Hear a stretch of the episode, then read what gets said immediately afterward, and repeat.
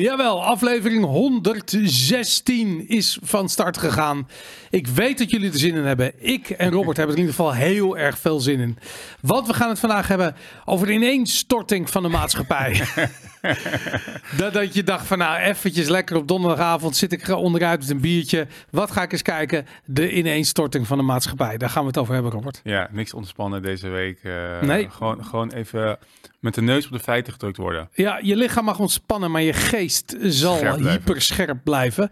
Uh, eventjes over scherpe geest gesproken. Um, we moeten misschien heel veel kort uitleggen wat het is om een tribe member te zijn.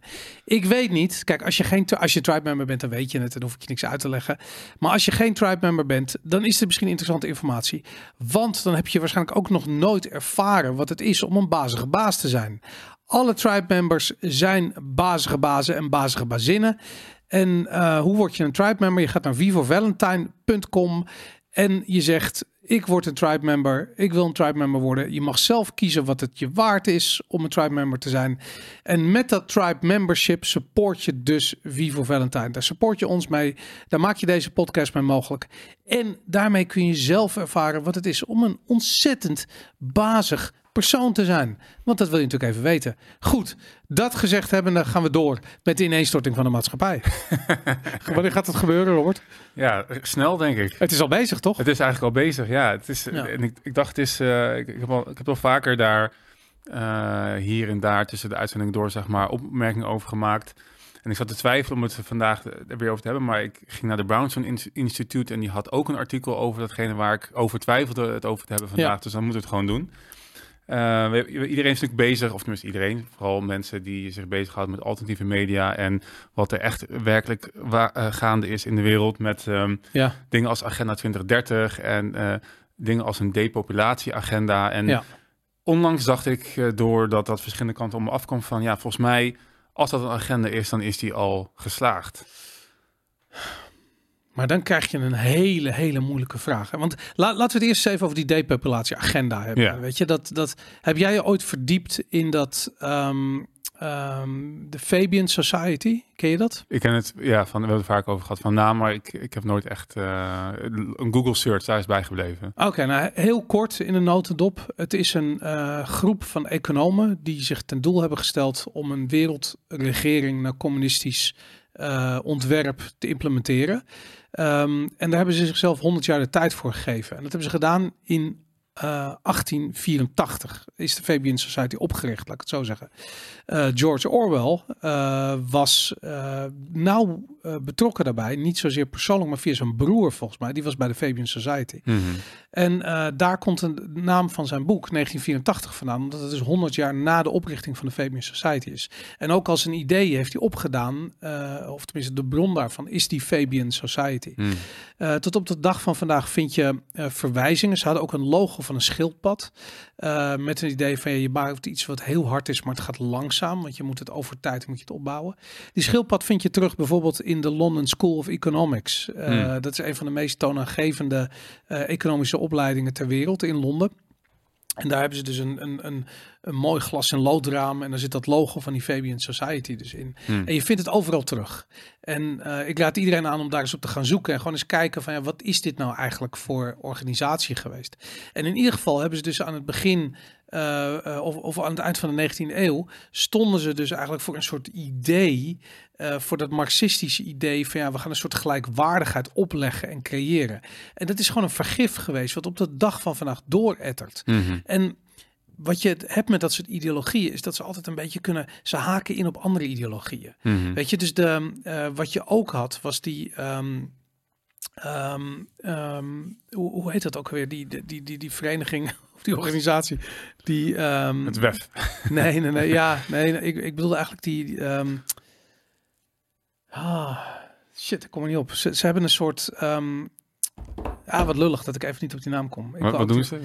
ja, ze houden zich bij. Eigenlijk komt daar uh, dat, dat idee van um, uh, terugbrengen van de populatie vandaan. Ja. Um, uh, God, hoe heet dat ook alweer? Hoe heette ze nou? Niet, ik ga nu dingen opnoemen. Bilderberg, Bilderberg nee, Pareto Commission, dat soort dingen? Nee, of, niet dat soort. Het is een denkbeeld. Maltu, de Malthus Maltesers, Malthusian in ja, ja. De Malthusian mindspel, daar gaat het over. En dat was een of andere uh, filosoof die een boek heeft geschreven daarover. Ja. En uh, dat is ook zo'n ideologie geworden. En dat ging er dus eigenlijk over van ja, hoe kan je, hoe kan je de, de bevolking uh, beheersen? Weet je, en hij doet dat met, met je, met angst. En mm. alle dingen die je vandaag dag terugziet, kwamen daar al in terug. Mm -hmm. En dat is ook weer zoiets van, ja, weet je, dat, uh, dat hangt. En dan heb je ook nog de eugenists, weet je. De, mm -hmm. uh, um, daarvan weten we dat de vader van Bill Gates hing dat in. Maar om heel eerlijk te zijn, in de jaren 20 en 30, half Amerika was een eugenicist. En dat uh, is heel interessant. In welke, welke zin? Um, dat het gewoon uh, zeker in Amerika op dat ogenblik gewoon popu een populaire gedachte is dat je uh, mensen had die eigenlijk het bestaan niet waardig waren. Mm, mm -hmm. En uh, bijvoorbeeld waar dat heel erg leefde, waar je had dus al die, weet je, in, in, begin 1900 kwamen al die migrantenschepen uit Europa, uit, uit Ierland, uit Italië, die kwamen aan op Ellis Island. En er waren gewoon politici die open en bloot um, zoiets hadden van, uh, die, dat is echt een voorstel geweest van we gaan een IQ-test afnemen op het moment dat je die boot afkomt. Mm. En als je hem niet haalt, sorry, maar dan ga je de... en daar komt ook het idee van de gaskamer vandaan. Hè? Dat hebben de naties niet bedacht, dat hebben de Amerikanen bedacht. Maar die zij dachten, je gaat niet terug, je gaat... Uh... Je gaat de gaskamer in. Ja, we, gaan, we maken je af, want je Mm. bent niet slim genoeg voor deze maatschappij. Mm. Dat was gewoon een idee. En uh, uh, goed, dat was wel, dat is natuurlijk nooit uitgevoerd, maar uh, dat soort ideeën deden de ronde. Mm -hmm. En sterker nog, er is, um, er is een vrij aannemelijke theorie dat Hitler dus ook een eugenicist was. -hmm. Dus ook een aanhanger van die theorieën. Dat is ook dat hele Untermensch-idee, Mhm, dat, dat ja. Übermensch, Untermensch. Dat idee is regelrecht daarop terug te voeren. Ja, En, maar ehm, is het niet ook een soort van algemeen aangenomen dat hij dat, dat, hij dat deed? Ik, ik denk dat voor mij is dat aan één met- geschakeld. iets met 6 miljoen Joden en zo, bedoel je dat? Nee, maar, ja, maar, dat, maar dat, dat, hij na het, uh, dat de eugenics, dat, dat, dat ken ik in de context van de Tweede Wereldoorlog en Hitler, zeg maar. ja, maar dat, Hitler dat, heeft het niet bedacht. Dat is het hele Nee, het was ja. een Amerikaanse stroming. Ja. En het bizarre was dat het was natuurlijk populair in die tijd. Dus het, het dus uh, zeker in die elitaire kringen. Mm -hmm. En Hitler was gewoon een, een ontzettend elitaire, uh, voor zijn tijd zelfs progressieve uh, kunstenaar die dacht dat hij de wereld ging verbeteren en Ja. allemaal mensen om zich heen had. En Zo dat, begint het. Zo begint het altijd. En vervolgens ontdekte hij dat. En had hij zoiets van, ja, dat is misschien wel een goed idee. Maar, en, maar wat doet hij vervolgens? Um, uh, hij is niet, kijk, hij is natuurlijk niet gelijk begonnen met het uitroeien van de Joodse bevolking. Weet Mhm. je, dat, daar zaten een paar stappen tussen. En Mhm. een van de grootste stappen die hij eh, heeft genomen is dat op een gegeven moment is er een schip vol met Europese vluchtelingen. Die vluchten voor het natiebewind uh, en voor oprukkende Duitse troepen. Uh, vol met kinderen, 2000 kinderen volgens mij. En, ik pin me er niet op vast, maar veel Joodse kinderen. Die zijn naar New York gevlucht met dat schip. Dat schip mocht niet aanmeren in New York. En hele toestand in de Senaat, een stemming over geweest. Van ja, moeten we die kinderen, moeten we die, al die vluchtelingen opnemen hier? En uh, toen heeft de Senaat heeft dus uh, de, uh, die motie om, om die mensen op te nemen verworpen. Dat schip is teruggegaan en daar teruggestuurd naar Europa. Mm -hmm. En die kinderen zijn ook allemaal in de gaskamers verdwenen. En dat, want Hitler zag daarin een, want er werd toen al gesproken over dat dit gaande was. Hè, dat er een soort genocide werd gepleegd op de Joodse bevolking in Europa. Mm -hmm. Um, en toen heeft Hitler, die, is, die heeft gezien, zie je wel, in Amerika zijn ze het met me eens. En die is vol gas gegaan. Dus toen pas mm. is de, uh, mm. zijn, de, zijn de, de, de, de, de, gigantische uh, vernietigingskampen gebouwd. Dus het hele idee dat dat gewoon, dat, dat het een één gek was die een of ander idee bedacht. Nee, dat is niet zo. Er waren heel veel gekken die met Ja. dezelfde ideeën rondliepen. En die ideeën tot op de dag van vandaag bestaan ze nog. Ja, precies. Ja, en dat. En Misschien is het grappig om misschien nog even dan eh, eh, te gaan naar de Twitter-link onder het Brownstone-artikel. Ik had hem eigenlijk nog onder geplaatst, maar voor mij is het niet heel passend. Want die ideeën die leven inderdaad nog, nog steeds. En je hoort nog steeds mensen praten over het terugdenken van de bevolking. En onlangs nog ook de vicepresident van Amerika die daar een opmerking over uh, maakt tijdens een of andere. Oké, okay, de. Universe 25 experiment. Bedoel je die? Nee, dus helemaal nee. Oh, nee oh sorry. Die, oh, sorry, sorry, sorry. als, je naar, als je naar beneden scrolt, waar, uh, zeg maar, heb je op een gegeven moment een artikel Brownson Institute en daaronder staat nog een Twitter-link. Sound of Freedom bedoel je? Nee, verder, heel veel, veel, veel verder naar beneden. Nog een keer. Klimaat krijgen we dan. Bij de, uh, even kijken. Um, uh, nee, sorry, boven de Guardian. Boven de Guardian, even kijken. Ik, ik sta er met mijn muis bij. Uh. Oh, ik, ik denk niet dat ik dat zie, even kijken. Over the Guardian. Ja, jongens, we zijn gewoon live aan het zoeken. oh, dat is een YouTube-link van Twitter- Sound of Freedom. bedoel? Nee, nee. Is het Twi- Twitter... ehm, dat is namelijk de... ehm, Dan moet ik de show notes opnieuw openen. Oh, dat denk ik ga ook niet doen. ja. Daar heb je het er net bij gezet. Even kijken. Ehm, oh ja. Ehm onder Brownstone, hè, zei je. Ja. Eh, van Kamala Harris. yes. Oh, nee. oké. ja. Wacht even met geluid erbij. Oh, wacht. Ik ga hem opnieuw starten. When we invest in clean energy and electric vehicles and reduce population, more of our children can breathe clean air and drink clean water. Oké, maar Ja, ze verspreekt zich daar, hè? Denk je? Ja, want ze zegt population, maar ze bedoelt pollution. Ja, Oké, dat, zou- dat zou heel goed kunnen. In het Brownson artikel werd, werd die aangehaald ook als zijnde van dit is... Want het is wel namelijk hoe heel veel ehm, mensen zeg maar eh, heel lang hebben gedacht. Of nog Ja, steeds ja. eigenlijk denken. Maar het is een slip of de tong. Want zij, dit is geen toeval dat ze zich verspreekt. Ze zal zich best Want verspreken. dat, daarvoor had het er wel over. Non-stop heeft ze het Ja. hierover. Dat weet ik zeker. Dat zeg je niet zomaar. En daar wil ik het ook bespreken. Want volgens mij is, is. Nou goed, misschien moeten we even beginnen met de, alle, de allereerste ehm, ehm, link, het YouTube-filmpje.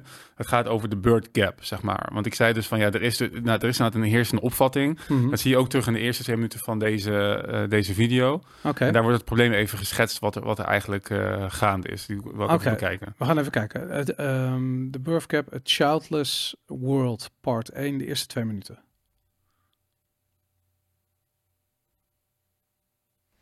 Ja.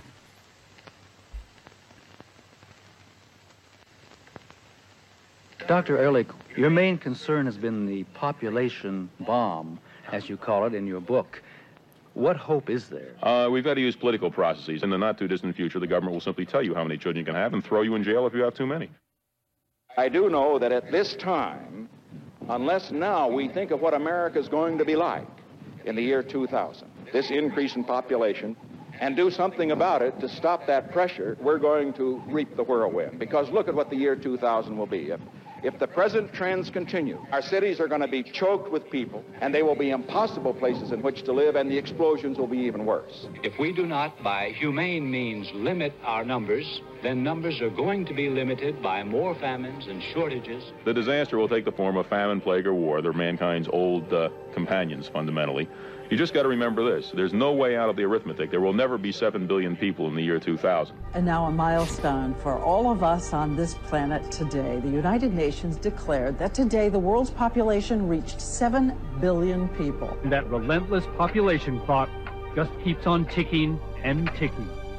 Well, if they kept such a clock in Italy, it would be ticking backwards. The government there thinks there are not enough Italians. Demographers warn that the shrinking population could drag the country into an unprecedented economic crisis. Dire predictions of an overpopulated planet have been with us for centuries.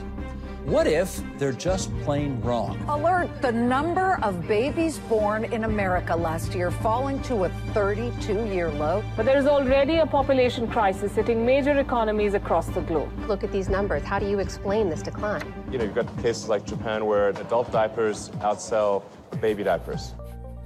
The world's falling birth rate isn't on the list of major threats to life as we know it, but it soon will be. Tax Mooi. Ja. Goed, je punt eh, eh, is denk ik duidelijk waar je heen wil. Ja. Eh, ik vind het, eh, ik, ik heb nu al zin om deze hele serie te kijken. Het is heet echt- Birth Gap, Childless World. Ja. Eh, eh, Birth Gap heet ook het één woord. Het heet het, zo heet het YouTube kanaal ook. Dat, Ja, ze hebben inderdaad drie video's. Eentje die je gewoon op YouTube kan kijken. Deze dus. Mhm. En hij heeft nog twee andere delen die achter een soort van su- subscriber donateurs wall zit. Maar het heel interessant, want je ziet inderdaad in het begin schetst hij meteen van wat jij, wat jij eigenlijk zegt, zeg maar van de heersende opvatting. Wat heel lang en nog steeds eigenlijk wel volgens mij zo is bij heel zeker veel mensen. weten. Van, Zeker bij de klimaatmensen. Precies, ja, Ja. We, gaan, we gaan naar een, eh, en vandaar ook dat filmpje van Kamala Harris, ook al is het een, een slip of de, of de tang. Mhm. Want het zit wel heel erg in lijn met wat mensen denken van, ja, we- er zijn te veel mensen, eh, we moeten ervan af, we moeten minder eh, kinderen gaan krijgen. En die film die, gaat, die onderzoekt dus, eh, want je ziet daarna zie je eigenlijk dat het tegenovergestelde waar is. Dat er, Ja. dat er steeds minder kinderen worden geboren, dat eh, we vergrijzen.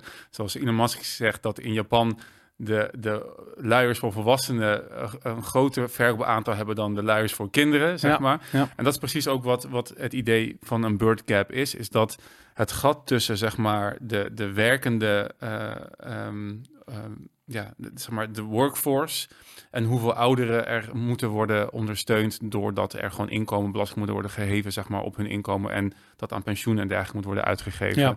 En er zit dus een gap tussen. En hij heeft ook een, ehm, interessant, die, die tweede link in de show notes, heeft ook illustraties gemaakt van hoe groot die gap is bij bepaalde delen in de wereld. En dan kan je bijvoorbeeld klikken op eh, Duitsland is echt een van de landen waar eh, het heel slecht aan toe is, waar, waar die gap heel erg groot is. Echt waar? Germany. Ik Ja. kijken. Preview.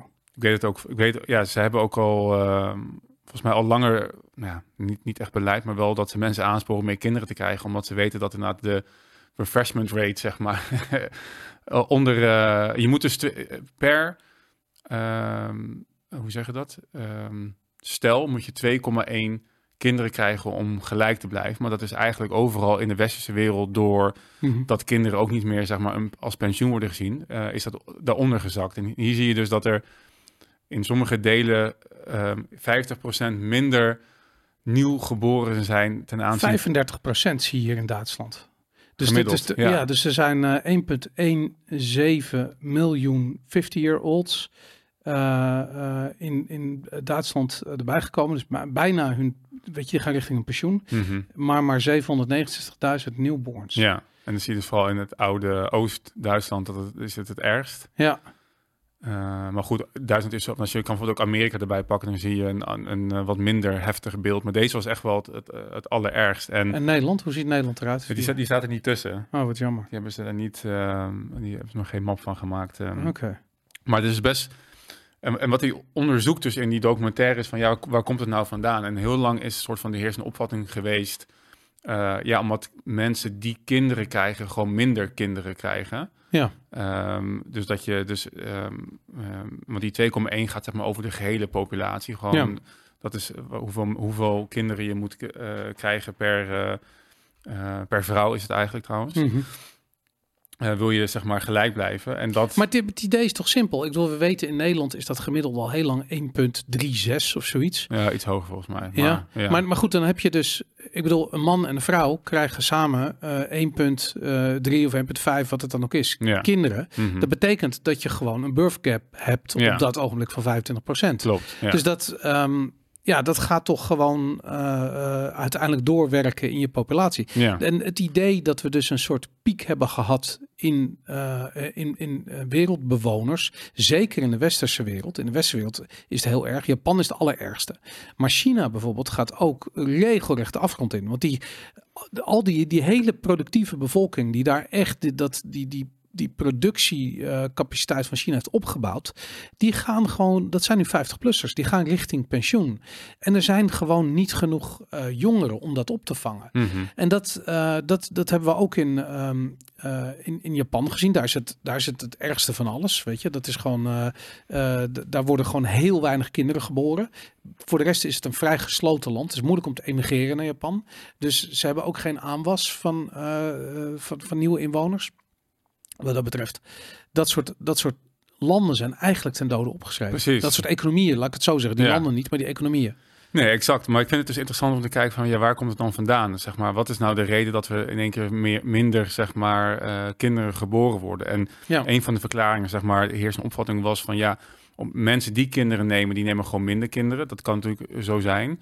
Ehm, ehm, maar wat je ziet in die documentaire is dat eigenlijk het aantal stellen dat überhaupt geen kinderen krijgt, Mhm. is, echt, is echt geëxplodeerd. Dus de mensen die kinderen krijgen, als je zeg maar de, de bevolkingsgroep Ja. van stellen met kinderen, het gemiddelde aantal kinderen in die groep is niet veranderd in de afgelopen 50 jaar. Ja. Dus mensen die ervoor kiezen kinderen te nemen en kinderen krijgen, die hebben gemiddeld geloof ik 2,4 kinderen, geloof ik, ongeveer Ja. iets in die richting. Dus dat is boven die, die, die, die, het aantal van 2,1 om die bevolking in stand te Ja. houden. Maar de groep kinderloze stellen Ja. is geëxplodeerd van 1, in sommige landen van 1 op de 20 tot 1 op de 30 tot 1 op de 3. Ja. Dus Dat je is hebt bizar. 1 op de 3 stellen, zeg maar, heeft geen kinderen. En ook steeds vaker ehm, niet bewust, zeg maar. Dus Ja. die willen ook kinderen krijgen, maar die kunnen geen, kin- geen, eh, geen kinderen krijgen. Ja. Dus wat is daar de... Waar, dus de- een deel is, want hij gaat op zoek naar... naar het, hij zegt het rond 19... eh, in, in begin jaren 70 is dat gebeurd. Mhm.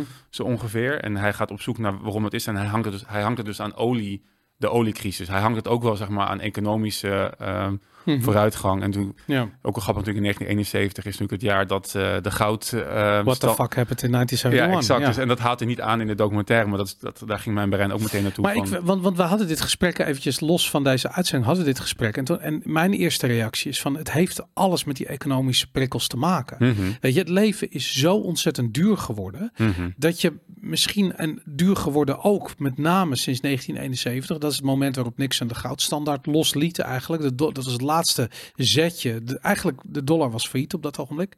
Ehm, of Amerika was failliet. En die, ehm, eh, maar dat is het startsein geweest voor die, eh, eh, voor die, voor die eigenlijk oeverloze inflatie waar we in terecht zijn gekomen. Mhm. En die is in de jaren tachtig nog heel eventjes beteugeld door de, Amerikaanse minister van Financiën Volcker. Eh, maar daarna is het, is het parabolisch gegaan, weet je. En dat, dat is iets ehm, waarvan ik denk dat veel mensen niet zien wat er gebeurt. Die voelen dat niet, die snappen het niet, maar voelen het wel. En ik denk dat dat gevoel zich vertaalt onder andere in geen kinderen willen krijgen. Mhm. Maar een ander aspect ervan is gewoon gezondheid. Ik bedoel, kwalitatief goed voedsel is nu vele malen duurder dan dat het eh 20, 30 jaar geleden was. Dus ja, mensen gaan meer crap eten. Mensen hebben meer stress. Dus ze hebben meer stress omdat ze harder moeten werken. Mhm. Om nog dezelfde koopkracht te behouden. Vroeger kon de man werken en de vrouw voor de kinderen zorgen. Vandaag de dag uitgesloten als je ook nog een koophuis hebt, want het is gewoon te duur. Nou, dat betekent meer stress in het gezin. Eh, er is minder geld voor go- goed eten, voor kwalitatief goed eten. Dat betekent meer ongezondheid, meer ziektes, maar ook vooral een terugval in eh, vruchtbaarheid. Mhm. Ehm, ja, dat, dat- voor mij heeft het alles met inflatie te maken. En die, die, over misschien dat- die, die tweede, misschien nog even inderdaad, daar heb ik de volgende link. Eh, die, die hangt daarop, eh, die, of die haakt daarop in. De disappearing mail? Ja, misschien de eerste minuut van die eh, documentaire even, Oké. even laten zien. Daar komt hij.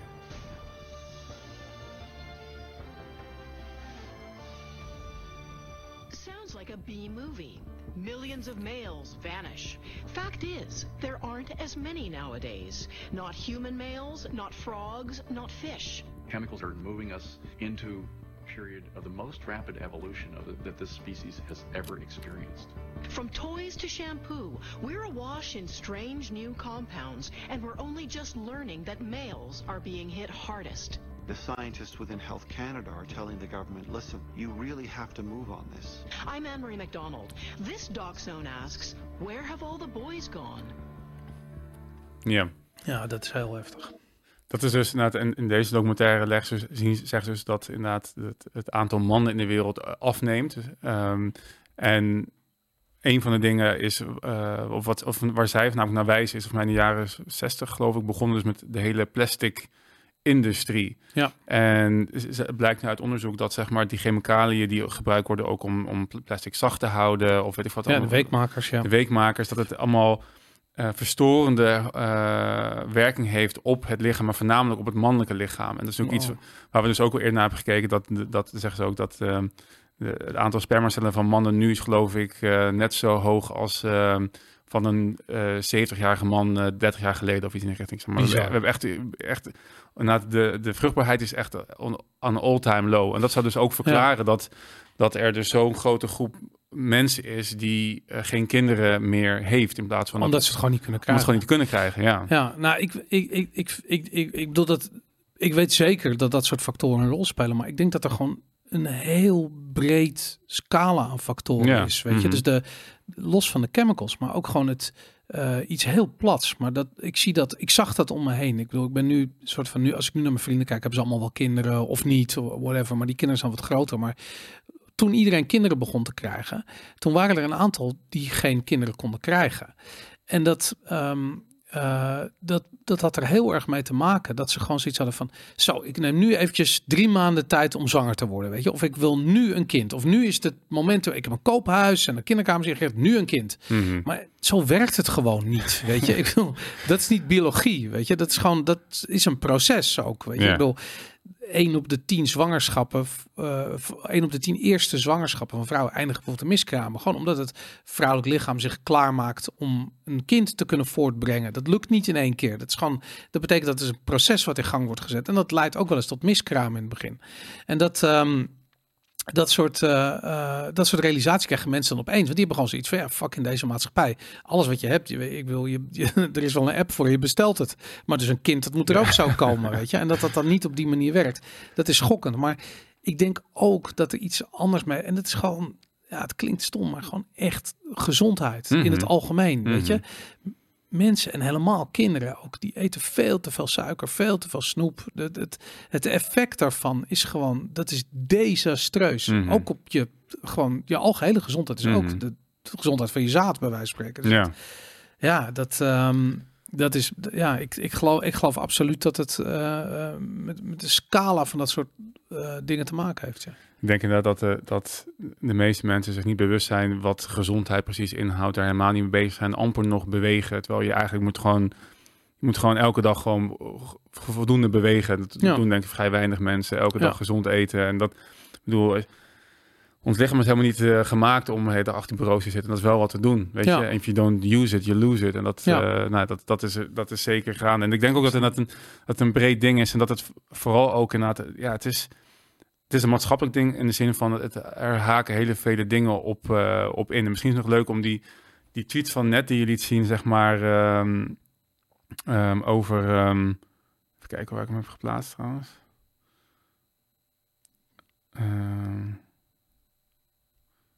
Waar is hij? De Universe 25. dat Ja, je? die, ja. Oké, ja, ik heb hem al. Ja, dat is een, eh, een hele, het is een thread eigenlijk. Ik had hem ook ge, geretweet. Ja. Eh, dit is een experiment wat uitgevoerd is door een aantal, eh, of door een bioloog. Ehm, ik, vertel, ik vertel jij het maar eigenlijk. Ja, nee, nee, ja. John Calhoun heet hij. Ja, dus die heeft, eh, die heeft inderdaad een, een, een, nou staat daar inderdaad een ideal world gecreëerd, waarbij, die, eh, eh, waarbij muizen, hij begon met een aantal muizen, en er is genoeg eh, ehm, ja, eh, leefruimte, voedsel en water, zeg maar, en je kan gewoon, ze konden gewoon lekker doen en laten wat ze, wat ze wilden. En ehm, hij, ja, hij laat die dus een aantal generaties, laat hij die zeg maar, daar nu zie je naar die, eh, die, muizen die, daar. die, die setup, zeg maar, de New York City voor, voor, voor muizen. Eh, laat hij daar ehm, eh, leven. En je ziet dus dat na, na, na gelang de generaties voortduren, zeg maar, de, de muizenpopulatie verandert. En ehm, dat ook steeds minder muizen op een gegeven moment... wat is? Ja, ik, ik zit kutten met Twitter. ja, ga door, ja. steeds minder muizen ook, eh, ook kinderen krijgen en verkiezen kinderen te krijgen. Op een gegeven moment ook volgens mij na zoveel generaties er een soort van homoseksualiteit ontstaat. Eh, je krijgt grotere eh, muizen. ehm, En de, vrouwtjes die hun jongen eh, aanvallen. dat je vond krijgt ik ook een eh je, bizar. krijgt, je krijgt inderdaad een soort van ehm, ehm, ja, me- mentale soort welzijnsziektes of zo inderdaad. Dus dan Mhm. inderdaad, het is die vrouwtjes die hun, hun baby's opeten of aanvallen in plaats van dat ze ze verzorgen. En steeds minder kinderen. En op een gegeven moment naar hoeveel, voor mij 25 generaties was het, ehm, heb je dus een societal collapse. Ja. En stort de hele boel in omdat er geen kinderen meer bij komen en de, en de refreshment rate dus eh, Ja. negatief eh, is geworden. En daar, daar zijn we nu op af aan het steven. En dat is precies wat we nu aan het doen zijn inderdaad. Ja, nee, dat is duidelijk. Het is interessant. Hey, eh, even, even iets anders. Logisch verband misschien, maar ehm, we weten dat ehm, eh, de hele immigratieagenda voor een groot gedeelte Angela Merkel is opgezet natuurlijk in de tijd. Mhm. Eh, en zij zei dit altijd. Zij zei, Duitsland heeft een miljoen arbeidsmigranten nodig om onze productiviteit op peil te houden. Mhm. En dat geldt ook voor andere Europese landen. En als je een klein beetje uitzoomt waar dit over gaat, is dat ehm, stel je voor, jij leent eh, een bepaald bedrag om een productie op poten te zetten. Dan ehm, op een gegeven moment ehm, moet je eh, je productie kunnen laten groeien om, om die lening terug te betalen. Want Mhm. in eerste instantie kun je natuurlijk met je productie de rente onderhouden, maar als die lening moet worden terugbetaald, dan moet de bevolking groeien of dan moet jouw, jouw productiecapaciteit groeien. Nou, dat speelt ook op landelijk of, of zelfs op Europees niveau. Weet je, ik bedoel, als je we hebben een we hebben een Europese staatsschuld. Tegenwoordig is het bijna Europees geworden. Weet je, Nederland heeft garant gestaan ook voor de Zuid-Europese schulden. Ehm, die schuld die is bijna niet meer terug te betalen. Die schuld is zo ontzettend groot. De enige manier waarop je een hoop kunt hebben om het terug te eh, betalen, is als je een bevolkingstoename hebt. Want dan neemt je productiviteit toe, krijg je meer belastingen, kun je dus die, die, die lening gaan terugbetalen. Mhm. Maar, en dat is waar de situatie nu heel erg verschilt met voorgaande eh, periodes, bijvoorbeeld in de jaren 30. Eh, na de Tweede Wereld is er dat, uh, Tweede Wereldoorlog is er daadwerkelijk een, een, een boom geweest in kids. Daar komen de babyboomers vandaan. Mhm. Die zijn productief geweest. Die hebben eigenlijk die schuld die geaccumuleerd was door de Tweede Wereldoorlog, uh, die hebben dat voor een groot gedeelte terug kunnen betalen. Behalve dat dat dus op een gegeven moment gestopt is. En toen uh, zijn die economieën zijn gaan bijlenen, omdat ze zoiets hadden van ja, fuck het, wat maakt het ook allemaal uit? Laten we gewoon beginnen met lenen. En uh, nu zijn we dus op een punt gekomen dat die, die schulden zijn onderhoudbaar. Of je krijgt hyperinflatie, of je krijgt een complete crash omdat ze die rentes zo hoog moeten opschroeven. En de enige uitweg is een grotere bevolking, dus je productiecapaciteit toe laten nemen. En die, weet je, iedereen die altijd roept van eh, ze willen de Europese uh, uh, identiteit willen ze Mm, verwateren. mhm. Ik geloof niet zo in die omvolkingstheorie. Ik Mhm. geloof dat het puur economisch is. Ze willen gewoon, het dondert niet uit wie, moet hier naartoe komen om er te werken en belasting te betalen Precies. om die schuld terug te kunnen betalen. Exact. Ik denk dat dat het is namelijk. Ja, dat was inderdaad de, de, de, de, het lijntje inderdaad vanuit ehm, eh, de, de naderende ineenstorting van de maatschappij en ook inderdaad de Uh-huh. immigratieagenda waarvan ja, volgens mij in elk land wel echt enorme weerstand eh, tegen is, maar toch inderdaad eh, wordt, ehm, ehm, die wordt wordt gedrukt. doorgedrukt Ja. eigenlijk eh, met, met, met, met allerlei incentives en subsidies en weet ik, weet ik wat allemaal. en ja, dat, dat is de reden. Dat ze hebben meer, meer loonslaven nodig die belasting betalen om het eh Ja. Ponzi-scheme waar we allemaal in leven Ja. langer te kunnen betalen. Ja. Want het is, in de middeleeuwen, wat een vorst deed die hiermee struggelde, die viel gewoon zijn buurland binnen. En die Ja. had gewoon zoiets van, ik pak dat land erbij. Want dan doe je hetzelfde. Dan heb je ook die productiecapaciteit erbij. Hmm. En nu is het eh, omgekeerd, want we hebben niet meer dat land nodig. Hoe cares, weet je? Je hebt die mensen nodig. Je hebt Mhm. de productiecapaciteit nodig. Dus je haalt ze allemaal hier naartoe. En dat, eh, ehm, eh, kijk, dat dat niet daadwerkelijk leidt tot een toename van productiecapaciteit dat is de aanname die denk ik veel mensen doen. Een soort van de, de prijs die je betaalt de samenleving is veel te hoog. We zien dat nu ook. Weet je, wat is het? 3 miljard voor 10.000 eh, asielzoekers geloof ik. Weet je, die Hmm. kosten zijn zo ontzettend hoog. Voordat dat zich begint terug te betalen, zijn we Hmm. alweer, weet ik veel, decennia of twee verder. Weet je, dus dat. eh, ehm, en het is nog maar de vraag of dat überhaupt gaat gebeuren natuurlijk. Ja. Ik, ik, heb een, ehm, ik heb een economisch dingetje wat hierop op aansluit. Ehm, ik weet niet of je dat leuk vindt om nu even te bespreken. Eventjes een idee over inflatie in Nederland. Ik, heb even, ik hoorde dit voorbij komen en ik heb het toegepast op Nederland. Even heel kort. De grootste economische crisis in Nederland in de geschiedenis speelde zich af in de jaren 30. Om precies te zijn tussen 1929 en 1939. Het CBS die houdt bij eh, wat bijvoorbeeld gemiddelde inkomens waren en wat inflatiecijfers zijn in Nederland. Dus ik heb al die cijfers een beetje bij elkaar gekeken. En ik heb gevonden dat het gemiddeld jaarloon in 1930, wat denk je dat dat was voor een arbeider? Een gemiddeld eh, modaal inkomen eh, per jaar In, eh, in 1930, in 1930. In de huidige maatstaven, of Eh, nee, gewoon toen, voor toen. Wel, wel- welk geldbedrag toen? 10.000 gulden. Nee, het was 5000 gulden. Dat is wat een, eh, een arbeider per jaar verdiende in Ja, de jaren ja, 30 ja, in ja. Nederland. Dat is omgerekend 2269 euro. Eh, die guldens toen, hè, als je dat naar euro's maandsalaris. Ja, nee, maar dat, Nu. dat was toen, hè? Ja. inderdaad. Dus, dus toen verdiende iemand 2269 euro per jaar. Ehm, dan denk je van hoe konden die mensen daarvan rondkomen? Maar inflatie, het vervelende aan inflatie is dat het elk jaar optreedt en het dus steeds een percentage bovenop een percentage bovenop een percentage is. Dus het, is, het groeit exponentieel. Ehm, een gemiddeld jaarloon in 2020, ook eh, bron van het CBS, eh modaal inkomen 38.000 euro. Ehm, als je uitrekent, ehm, wat, als je daar de inflatiecijfers op loslaat, eh, dan kom je erop uit dat er in, eh, en ik heb eventjes het, eh, ik kan het even laten zien erbij, dat ik, dan kan iedereen zien dat ik niet uit mijn nek sta te lullen. Ik heb even de CBS hierbij. We zien hier in 1930, ik weet niet of je dat kan zien, 1930 daar was de 100 ehm, eh, procent eh, ehm, eh, ehm, metingspunt of nulpunt eigenlijk van 1900. Eh, dat lag daar 54,5 procent boven. Dat, um, uh, je, je, ziet die 154,5 1930. En helemaal onder 2022 uh, 33 uh, 188,9. Dus dit gaat over die, uh, over die inflatie. Wat je dus bij wijze zou kunnen zeggen, een soort van um, uh, 100 gulden in 1900 is 3388 gulden in 2022. Nou goed, ik had dit eventjes als, dit was even om mijn bronvermelding te doen. Um, oh, dit is gereed. gaan we even terug naar gemiddeld jaarloon in 2020, dus 38.000 euro.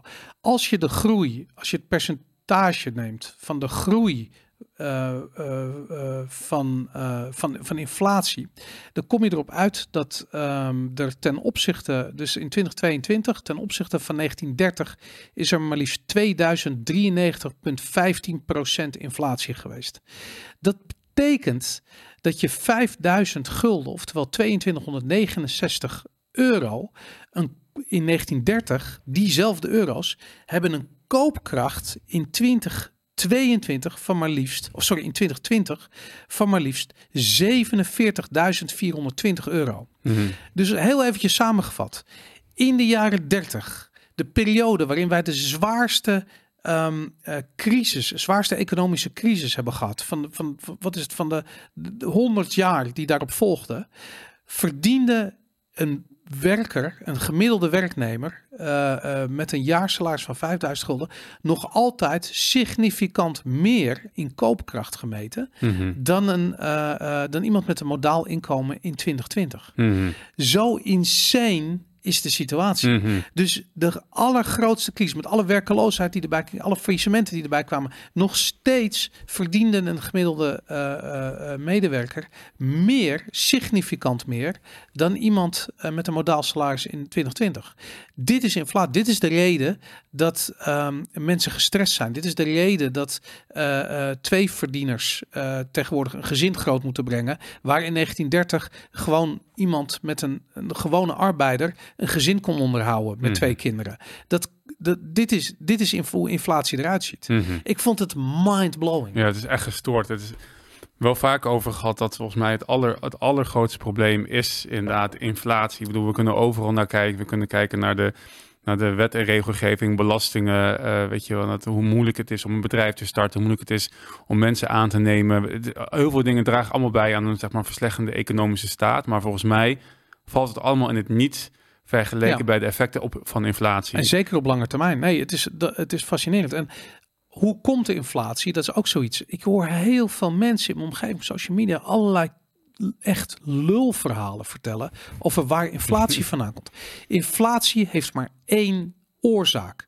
Bestudeer Milton Friedman, de econoom. Hij zei het uh, beter dan wie dan ook. Hij zei: monetaire inflatie is altijd primair het gevolg van monetaire expansie. Geen enkele andere oorzaak.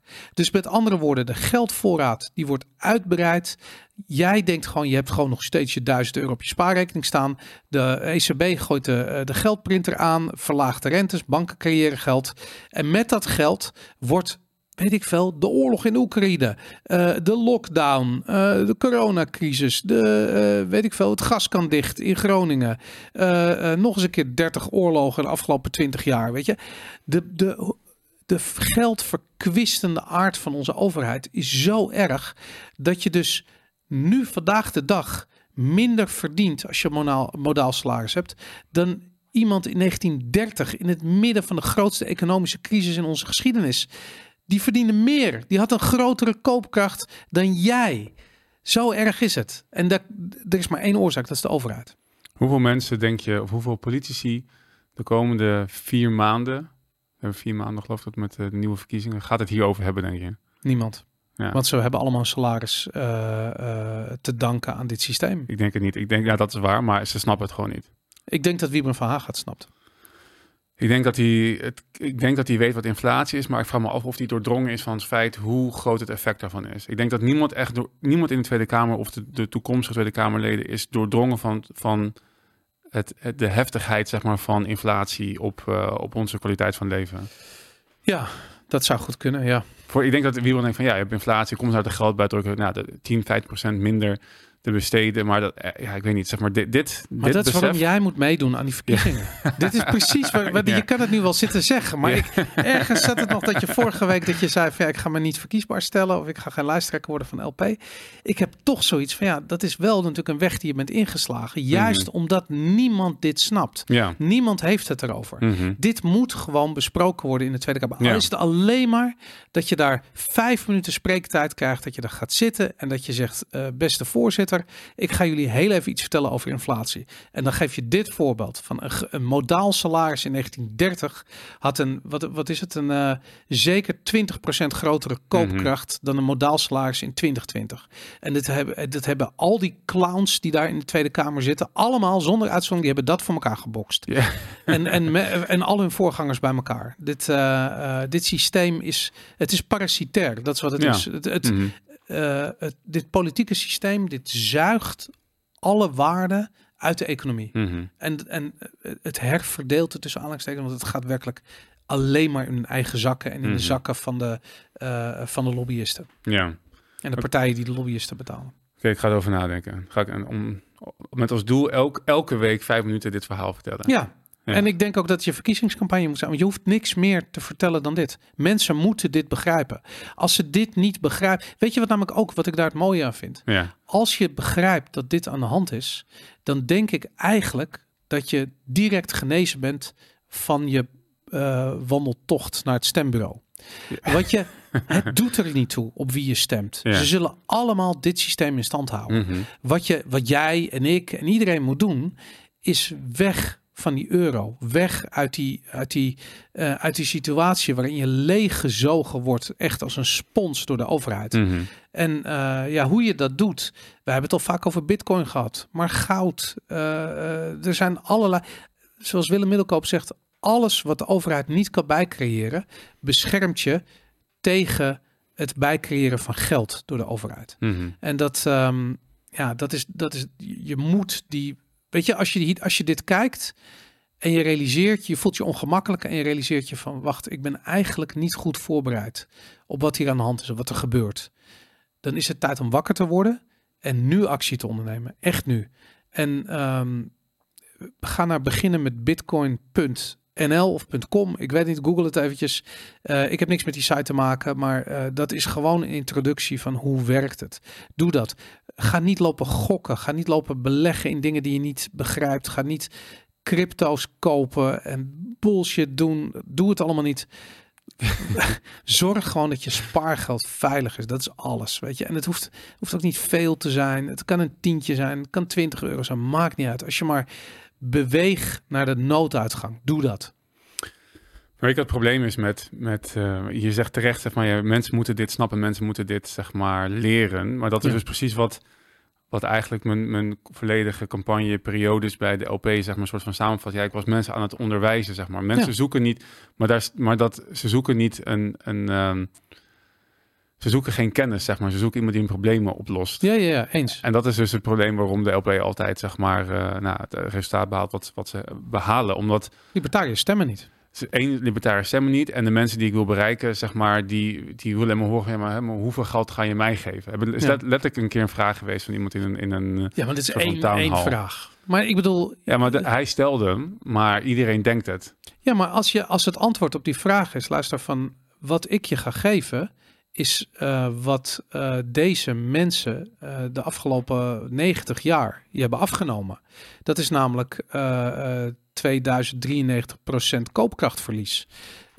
Dat ga ik je geven als ik de grootste partij word. Want dan, ehm, eh, dan stoppen we die geldcreatie. En dat betekent vanaf dat moment kun je gewoon sparen in echt geld. En dan ja, zorg je gewoon dat Nederland op een bitcoin standaard gaat. Of misschien wel eh, een door goud eh, ondersteunde munt krijgt, weet ik veel. Maar weg uit die Disney dollar setup van de euro. weg uit de EU.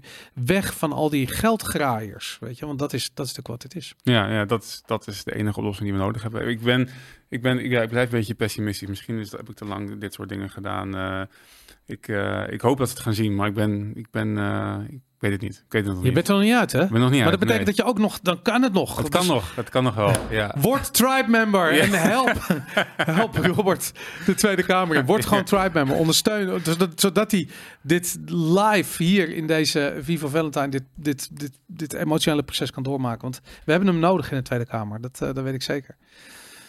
Goed, nou, eh, de, de aanstormende implosie van de bevolking was eh, ineenstorting van de maatschappij. Is, Ja. is, is er nog meer wat je Ja, misschien wat ineens stort? Dat, eh, nou, misschien nog eventjes in lijn met die, ehm, met die ineenstorting. Wat ik ook altijd een opzienbarend en schokkend stukje statistiek vind. Dat, en ik heb daar de, die link van de Sound of Freedom erin gedaan. Is hoeveel kinderen er per jaar verdwijnen. Heb ik ook een paar keer genoemd. In, in Europa en in Amerika. Maar in Europa verdwijnen er per jaar 350.000 kinderen. 350.000 kinderen? Elk jaar. Elk jaar in Hoe Europa. dan? Ja, dat precies. Hoe dan? En dat is alleen Europa. Dan, en ik, in Amerika is het 300.000. Dat is ook, dat is nog eh, gezien de populatiogrootte is dat Maar nog wacht even, wat is verdwijnen precies? Go missing en worden niet meer gevonden. 350.000 kinderen? In Europa. No way. Ja. Ik heb het grappig, want ik heb het een keer eerder gezegd in de uitzending. No fucking way. 350. Ik bedoel, dat is. Weet ik veel. Dat is, er zijn 100.000 Rotterdam Oekraïense. Ja. Ja. dat neem maar precies. Heel Rotterdam. Heel Rotterdam. Elk Ja. jaar. Ja. En dat is precies. Dus, maar dat vond ik als, als shocking. 350.000. 300.000 in Amerika. Maar ik kwam dus door de film Sound of Freedom achter dat het per jaar, jaarlijks, minimaal 2 miljoen kinderen zijn. Die Wereldwijd. verdwijnen. Wereldwijd. Maar ik bedoel, wat, wat, is theorie? Wat gebeurt er met die kinderen?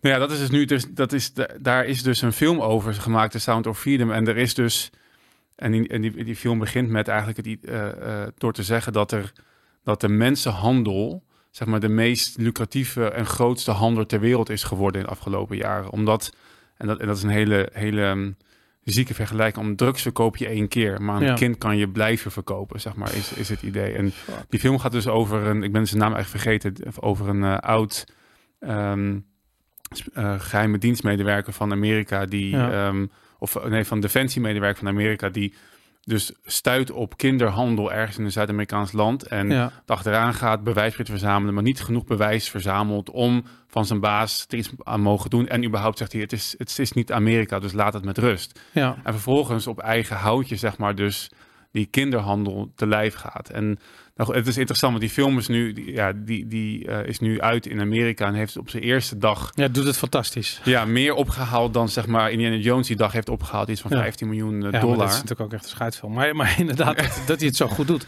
En vooral ook de, dat vind ik ook de mainstream media, die volledig die film te lijf Ja. gaat. Omdat ze zeggen van ja, maar het is een soort, er komt een soort fobia uit, fobia voor pedofilie.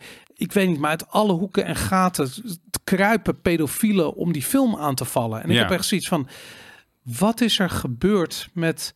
ehm, met gewoon het idee dat je niet een pedofiel bent. Dat je gewoon fucking normaal doet en niet aan kinderen zit. Wat is Ja. daarmee gebeurd met dat idee? Is dat opeens... Wordt er nu, is er een agenda dat die... eh, eh, eh, dat het maar normaal is om dat om de om een Ja. soort van om dat dat gebeurt of zo? Ja, ja, heb je niet die term nu je het zegt, moet ik denken aan. Er is zo'n nieuwe term voor, voor, voor pedo, voor pedofiel, namelijk Oh ja? een MAP.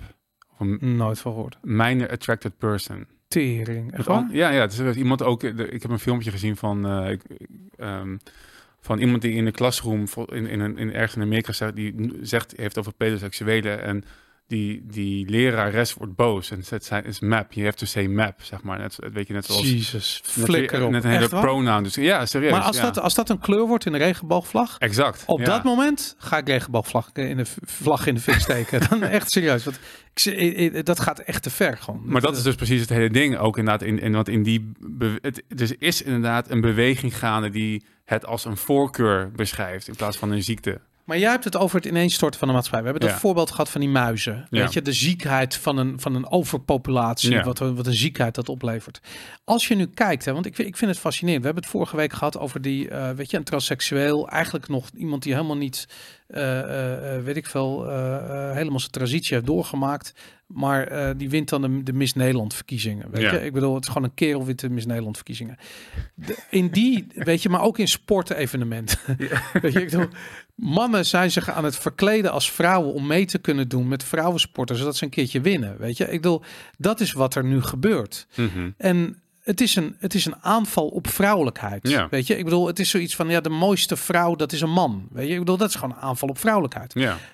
We hebben een aanval op mannelijkheid. Dat zie je in, dat vindt op een ander moment, een ander niveau plaats. Daar heb je het ook over gehad. Weet je, Mhm. over eh, eh, weet je, terugval in, in, in, in vruchtbaarheid van mannen, eh, eh, chemische componenten, weet ik veel hoe dat allemaal tot stand komt.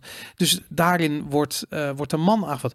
We zien overduidelijk een oorlog tegen kinderen. Weet je, als je kijkt hoe, eh, eh, maar ook gezien hoe de sociaal, ik bedoel, ik heb vier kinderen. Als je kijkt in hoe Nederlanders reageren als je met vier kinderen binnenkomt in een restaurant bijvoorbeeld Mm, ergens, mm. dat is niet positief. Mm. Moet je in Italië naar binnen lopen, de, de- alle ometjes, oh, wow, che fortuna, weet je, vier kinderen, weet je, dat eh quattro bambini, wow, weet je, dat, ik heb dat meerdere keren meegemaakt, fantastisch. Ja, en dan moet je in Nederland kijken, echt zo, Jesus, weet je, dat, eh, eh, dat, dat, ja, helemaal niet positief. Dus de- je merkt gewoon van in die westerse cultuur begint gewoon een heel erg anti-kinder. Dus je, je- alles wat familie is, man, vrouw, kinderen, dat wordt aangevallen. Mhm.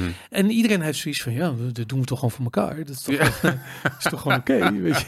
En ik, en ik heb zoiets van, jullie zijn allemaal knettergek, Ja. jongens.